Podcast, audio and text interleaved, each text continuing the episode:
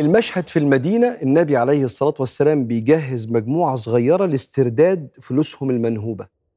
المشهد عند أبو سفيان يغير اتجاه القافلة المحملة بفلوس المسلمين ويروح الناحية التانية ناحية البحر.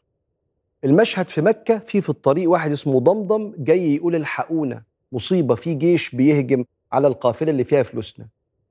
بس قبل الحدث ده بيومين ثلاثة السيدة عاتكة بنت عبد المطلب آه دي عمة النبي عليه الصلاة والسلام.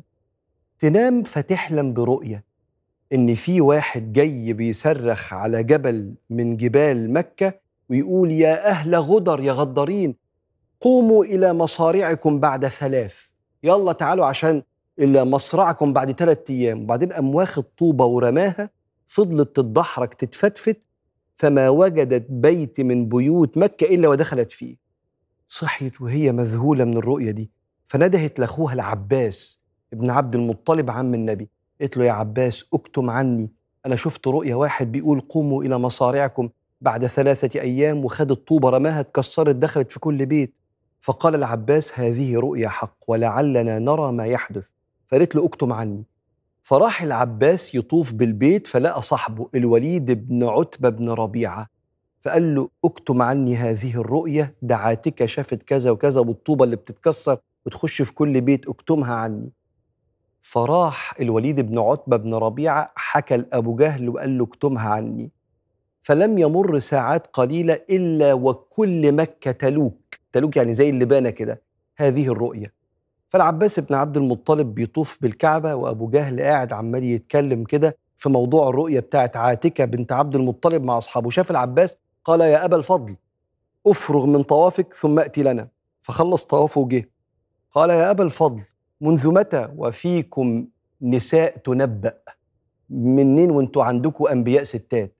قلتم أن منا رجل النبي محمد. خلاص سبناكم لكن كمان تقولوا عندنا نبي ست. قلتم أن فيكم رجل فتركناكم والآن تقولون منا نبية؟ والله يا عباس كما تقول الرؤيا.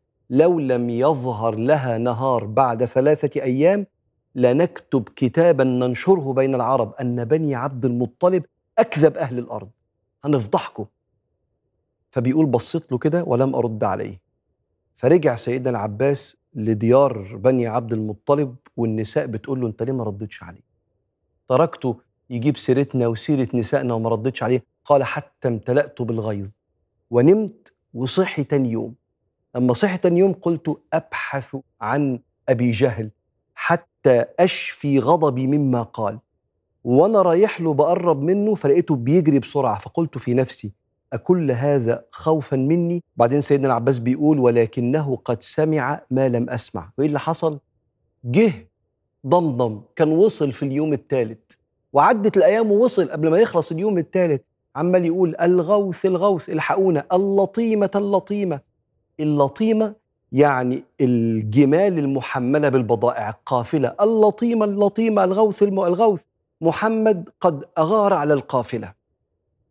وده المشهد. فإذا بقريش تتجهز. تتجهز بإيه؟ بألف مقاتل. يا نهار أبيض!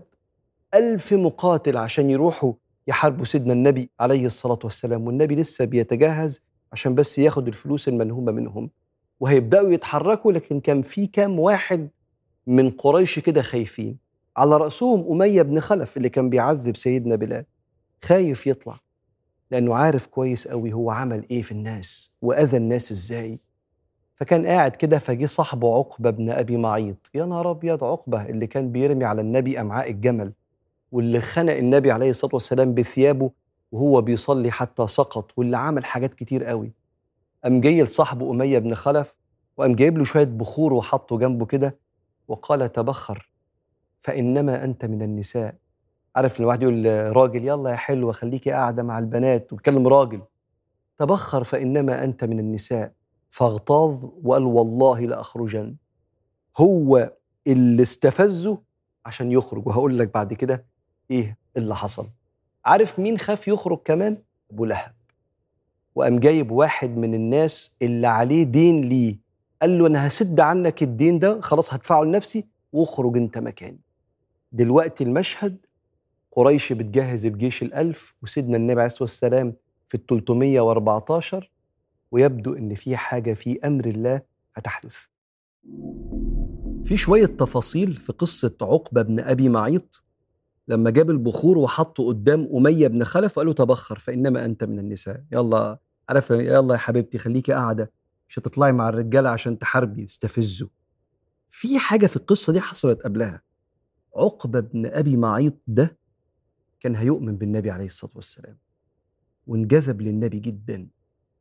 وكان أبي بن خلف أخو أمية صاحب القصة بتاعت النهاردة أخو أمية بن خلف. أبي بن خلف ده اللي مسك العظمة كده وفشها كده بقت بودرة وقال النبي من يحيي العظام وهي رميم. أمية بن خلف أخوه اللي كان بيعذب سيدنا بلال بالطوبة الصخرة الكبيرة. رجع أبي بن خلف من سفر لقى عقبة باين عليه أثر الإنجذاب للنبي والخشوع. قال له إيه ده؟ وأنت ليه عازم محمد عندك في البيت؟ قال له بس يعني بناكل مع بعض كده. قال له والله وجهي من وجهك حرام. إن لم تذهب إليه فتطأ عنقه. دوس على صلى الله عليه وسلم رقبته الشريف. وتبصق في وجهه الشريف. قال له طيب حاضر أنا آسف حقك عليا يا صاحبي. وراح عمل كده واتقلب عقبة بن أبي معيط لأكتر واحد كان بيأذي النبي عليه الصلاة والسلام. وتلف الأيام ويجي أمية أخو أبي. سر الفساد ده. مش عايز يطلع فيجي عقبة يقول له يلا يا حبيبتي اقعدي واستريحي تبخري أو تبخر فإنما أنت من النساء. فيستفز فيه طب أنا هطلع بقى أحارب مع المشركين ضد النبي عليه الصلاة والسلام. ينزل القرآن. إن الناس دي يوم القيامة ده حالهم ويوم يعض الظالم على يديه. يقول يا ليتني اتخذت مع الرسول سبيلا. ده أمي ده عقبة بن أبي معيط.